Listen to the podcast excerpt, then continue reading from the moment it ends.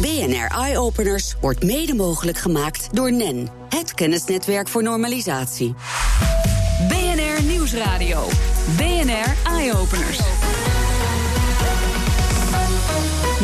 Schut. Drijvende steden, energie uit golven, emissievrije vrachtschepen. In Nederland Waterland wordt er druk gewerkt aan een aantal indrukwekkende waterinnovaties.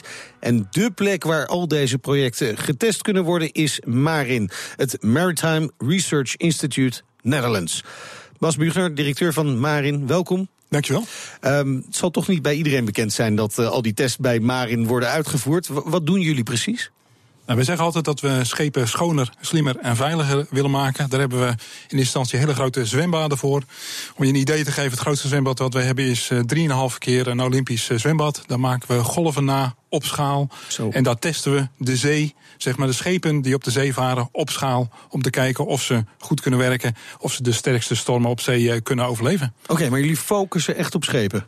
Nee, schepen. Dus alles wat vaart en wat drijft. Oké. Okay, en dan schepen, maar ook uh, drijvende windturbines uh, tegenwoordig, getijdenturbines, uh, olie- en gasplatformen. Alles wat drijft op de zee en de oceanen. Ja, nou zijn we in Nederland natuurlijk eigenlijk altijd al slim bezig geweest met water, hè?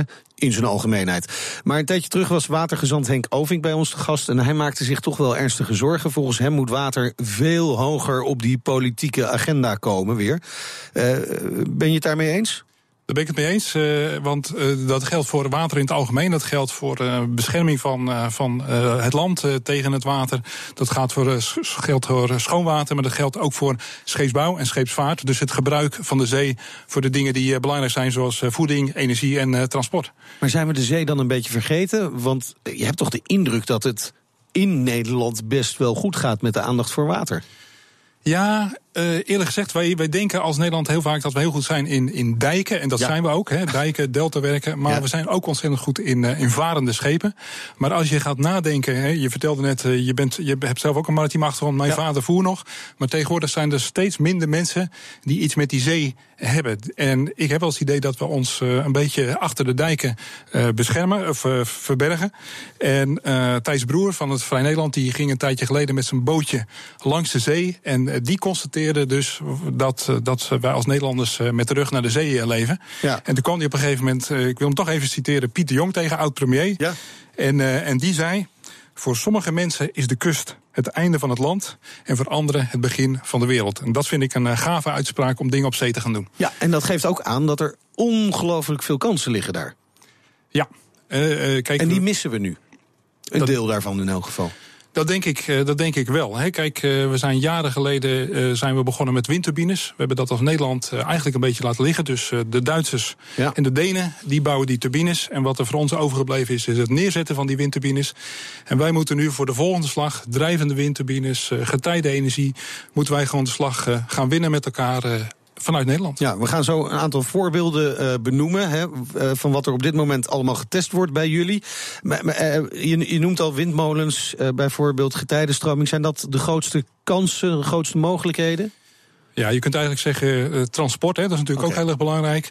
Maar energie, windenergie, getijdenenergie, golfenergie, maar ook voeding. Uh, zeewiekweek op zee. Ja. Hè, dus uh, groene boerderijen uh, op zee. Of blauwe boerderijen zou je het dan misschien moeten zeggen.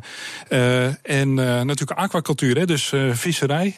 misschien aquacultuur. Dus vis kweken op zee. En dat allemaal op een verantwoorde manier. Zodat de zee schoon blijft. Maar we er wel met elkaar gewoon een gezonde boterham kunnen verdienen. Nou, meer dan genoeg kansen op en in de zee. Dus voor Nederland om zich op te gaan richten en te innoveren. En een voorbeeld van zo'n project dat nu loopt... is de drijvende stad van Blue 21. Verslaggever Jigo Krant die ging langs bij Marin om te kijken wat er nou precies getest wordt. Wij zien hier een uh, negental vierkante platforms die aan elkaar gekoppeld zijn. En die worden hier getest. Karina Chabjewska van Blue 21. Dit zijn schaalmodellen. Dus in het echt, hoe groot zou dit zijn? In het echt uh, zijn de platforms 50 bij 50. Ja, en uh, het water gaat flink tekeer. Wat jullie willen uitvinden is, kan je daar nou gewoon lekker op wonen zonder dat je zeeziek wordt? Precies. Wat, uh, wat wij willen kijken is uh, hoe gaan mensen het ervaren om uh, daarop te verblijven. Af en toe een schommeling voelen is niet erg, maar je wil niet non-stop het gevoel hebben dat je op, op de wilde zee zit. Maar hier zou ik niet op willen wonen? Dat uh, kan ik heel goed begrijpen. Dat zou ik zelf ook niet willen. Uh, de golven die we hier zien zijn behoorlijk extreem. Dus we willen natuurlijk kijken of het een veilige plek is ook. En wat uh, de maximale toelaatbare golven, in ieder geval gevoelens zullen zijn in die golven. Dus wat je nu hier ziet, dat is iets wat idealiter natuurlijk niet non-stop in die stad gaat optreden. Laten we zeggen dat, dat dit een, een, meer een stormsituatie is. Alleen waarom zouden mensen op het water willen wonen? Ja, op een woonboot, dat begrijp ik. Hartstikke romantisch, midden in de stad, in een grachtje. Maar een hele stad op het water bouwen? Dicht bij steden is er heel vaak geen ruimte meer. Uh, je gaat of de natuur in of je gaat uh, landbouwgrond uh, innemen. Bij kuststeden is er dus wel een optie. Daarnaast uh, worden op de Noordzee uh, steeds meer verschillende proeven gedaan. Met voedsel, met opslag voor olie. Daar zijn ook mensen die moeten werken en verblijven. En dat zijn ook potentiële bewoners van deze drijvende steden. Daarnaast zien we vooral bij eilandenrijken, waar de ruimte nog schaarser is dat er heel veel interesse is in deze manier van uitbreiden. En ik denk dat dat wel iets is wat binnen de komende vijf jaar echt realiteit gaat worden. In Dubai bijvoorbeeld? Dat is ook een hele mooie optie. Ja, jammer dat ze het opgespoten hebben in plaats van hebben laten drijven. Dat is een optie. We zitten nu ook uh, in Tahiti te kijken, de Frans-Polynesië. Nou, er is een oceaan van ruimte, dus uh, ja, goede reden om te gaan drijven. Ja, ik moest ook gelijk aan de Malediven denken. Bijvoorbeeld al die eilanden die nu aan het wegzinken zijn in de oceaan. Eh, die zou je kunnen vervangen. Ja, wij hebben als Nederlanders. Eilanden. Ja, wij hebben als Nederlanders altijd de neiging om uh, maar dingen op te spuiten. Ik kom uit Sliedrecht, ik ben een baggeraar. maar ik vind het af en toe een wat uh, simpele aanpak. En ja, ja. dit is echt disruptive hè, in tijden van zeespiegelstijging geen, uh, niet opspuiten, maar uh, gaan drijven. Dan ga je ja. zelf mee. Ja, en dat zou nog, ook nog een oplossing kunnen zijn uh, voor een vliegveld. Voor de vliegveld, bijvoorbeeld? Uh, de Maasvlakte 3, hè, wij zeggen ja. altijd de Maasvlakte 2 is nog opgespoten. Maasvlakte 3 laat het uh, drijvend zijn. Drijvend worden, en ja. uh, nou ja, dus zeespiegelstijging en gebrek aan ruimte kun je oplossen met dit soort drijvende steden en havens. Nou noemen we het al, hè. Tahiti wordt genoemd, Dubai wordt genoemd, Malediven worden genoemd. Ik kan, er zijn talloze plaatsen die je zou kunnen noemen. Het is echt een voorbeeld van een Nederlandse innovatie met mogelijk een wereldwijde impact. Ja, uh, kijk, we zijn natuurlijk als Nederland niet gebonden aan uh, ons kleine landje. Bepaalde dingen die je kunt bedenken, die werken misschien helemaal niet in Nederland. Hè. Bijvoorbeeld getijdenenergie, daar heb je veel stroom voor nodig. Dat hebben wij misschien helemaal niet. Maar ik vind dat wij vanuit Nederland, met de kennis die we hebben uit de maritieme sector, uit de ja. offshore olie- en gassector, dat wij innovaties kunnen neerzetten die je wereldwijd echt kunt gaan exporteren. En ik vind eerlijk gezegd in Nederland wel eens de neiging, hebben we de neiging om alleen maar te kijken naar dingen die voor de korte termijn vlak bij de Nederlandse kust energie opleveren. Ja. Maar je moet juist die stap verder kijken, over de horizon heen. En uh, naar dingen die je ook internationaal kunt uh, exporteren. Ja, zijn dit soort projecten nou ook extra leuk om te doen? Hè? Dit soort projecten die echt misschien ook wel een beetje een sprong in het diepe zijn? Ja, kijk, uh, wij testen natuurlijk ook uh, gewone schepen die ja. van, uh, van, van China naar Nederland ja, varen. Dat is een beetje dagelijkse koek. Dat, is, dat doen we sinds 1932, dus dat is ja. echt dagelijkse koek. Maar het leuke is dat je die kennis echt heel goed kunt gebruiken om ook nieuwe dingen te ontwikkelen. Wij weten bijvoorbeeld als maar een heel van, van scheepsschroeven, hè, die duwen zo'n schip weg.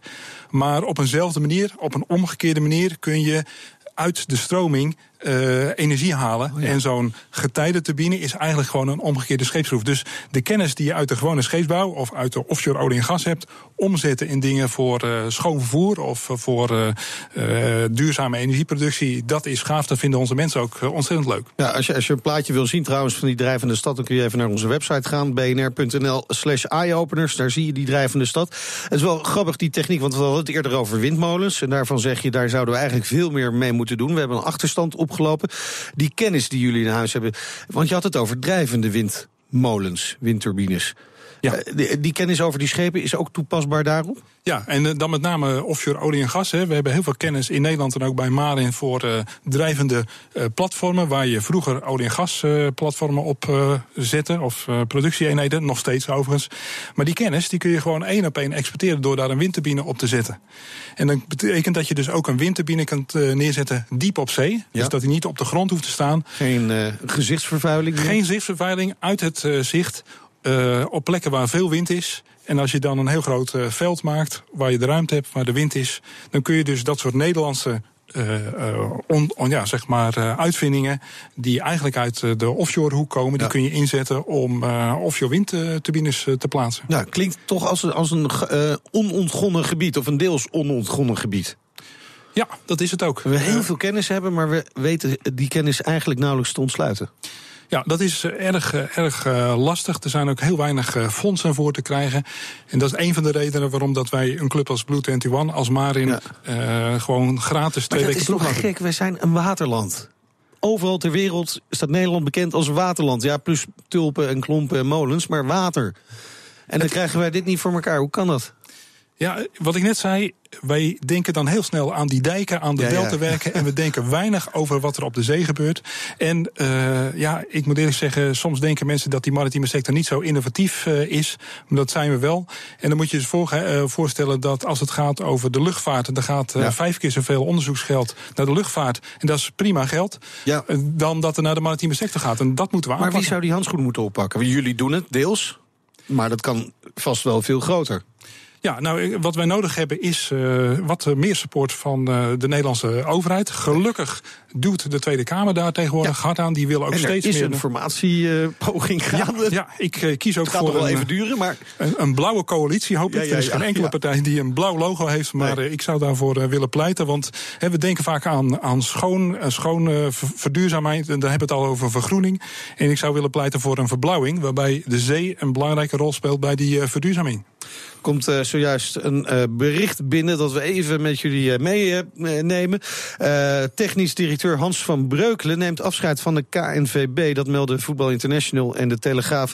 Nou ja, als er meer bekend wordt daarover, dan hoor je dat uiteraard hier bij BNR. Wij gaan snel terug naar het water. En we gaan het dan hebben over energie uit golven en emissievrije vrachtschepen. Moet allemaal kunnen. BNR Nieuwsradio. BNR Eye-Openers. Bas Bugner van het Maritime Research Institute Netherlands is te gast. En we praten over waterinnovatie. Daarbij kijken we dit keer niet zozeer naar onze dijken. Of onze manieren voor het creëren van schoon drinkwater of slimme riolering. Maar naar de mogelijkheden op en in de zee. Want daar valt nog heel wat te winnen. Hebben we net al geconcludeerd. Maar een van die sectoren die nog wel wat innovatie kan gebruiken... is de transportsector. Hè? Want uh, hoe, hoe, groot is het aandeel van het vrachtverkeer... om dat even een plaatje te schetsen, uh, over zee op dit moment? Op dit moment wordt uh, 90 ja. wat, wat je in de winkel koopt... vervoerd over zee vanuit met name Azië hier ja, naartoe. Dat zijn gigantische aantallen. Ja, ik zat een tijdje geleden op een standhuisje op zee. Ik zag ze voorbij komen. Dan gaat het over 10, 20.000 containers per schip. Nou, als je dan per kilo of per ton gaat kijken, dan is dat uh, heel erg schoon. Maar ja. als je dan kijkt naar wat er uit die schoorsteen komt, dan ja. zeg je jongens, daar moeten we die met elkaar wat aan doen. Varen allemaal op uh, scheepsdiesel, stookolie, ja. zware, zware vervuilende uh, brandstof natuurlijk. Hoe moeilijk is het om die allemaal emissievrij te kunnen krijgen? Nou, echt dat lijkt me een enorme uitdaging. Ja, echt emissievrij, dus het schip elektrisch laten varen, dat gaat gewoon even simpelweg, behalve als je daar kernenergie in stopt, niet lukken. Ja, want? Dat levert te weinig kracht op? Ja, even heel simpel gezegd. Gewoon om met een redelijke snelheid met, die, met zo'n containerschip te varen. Dat het nog zin heeft. Dan ja. heb je gewoon moleculen nodig waar heel veel energie in zit. Aan de andere kant, op dit moment zeggen wij altijd: jongens, je hebt de hele goede brandstof die gaat naar de vliegtuigen, de hele schone brandstof. En uiteindelijk, vlak voordat je bij asfalt komt, heb je dan de, de, de scheepsdiesel. Ja.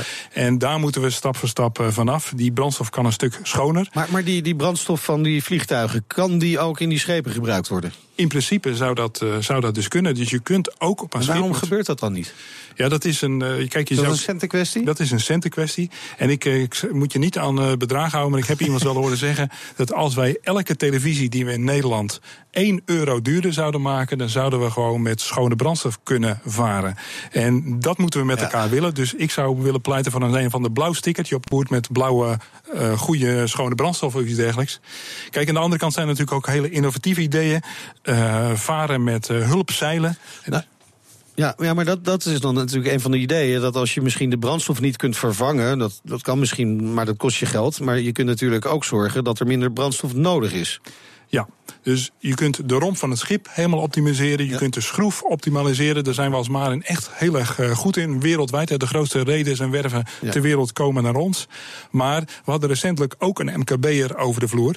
En uh, die had in plaats van een scheepsschroef een, een vissenstaart achter het schip. Oké, en dat werkt dus ook om brandstof te besparen. Ja. In ieder geval. Oké, een ander mooi voorbeeld van een groen project op zee zijn de getijdenenergieturbines van Tocardo. Ook daarmee wordt op het moment uitgebreid getest. Je hoort een verslag van Jigo Krant. Het stroomt hier nu 3 meter per seconde en de golven die zijn 6 meter hoog. En dat is vergelijkbaar met een site in Canada, waarbij we die getijdencentrale in het water hebben liggen. En ook vergelijkbaar met de situatie hier in Nederland? Eb en vloed? Nou, in Nederland hebben we dat niet zo snel. In de Oosterscheldekering stroomt het wel 5 meter per seconde. Maar dit is een situatie die vergelijkbaar is met een, ja, een zeeengte, bijvoorbeeld, waar water in en uitstroomt. En dan ligt dit schaalmodel wat we hier testen, ligt verankerd aan de bodem. Dus jullie testen niet alleen voor de Nederlandse situatie? Nee, we testen voor situaties overal over de wereld. Het schaalmodel zit nu niet onder water, maar staat hier op het droge naast ons. Ik zie een apparaat met propellertjes. Ja, het is eigenlijk een, uh, een windmolen onder water. Het is een gedeelte wat boven water is. En het grootste gedeelte van de installatie ligt onder water, vergelijkbaar met een ijsberg. Ja, best een klein ding. Voor schaal 1 op 18 wel. Maar ja, deze weegt 70 kilo en straks in het echt weegt die 350 ton. Oké, okay, oké. Okay. Het is maar een schaalmodel. En u zegt straks, op dit moment wordt dit nog niet toegepast?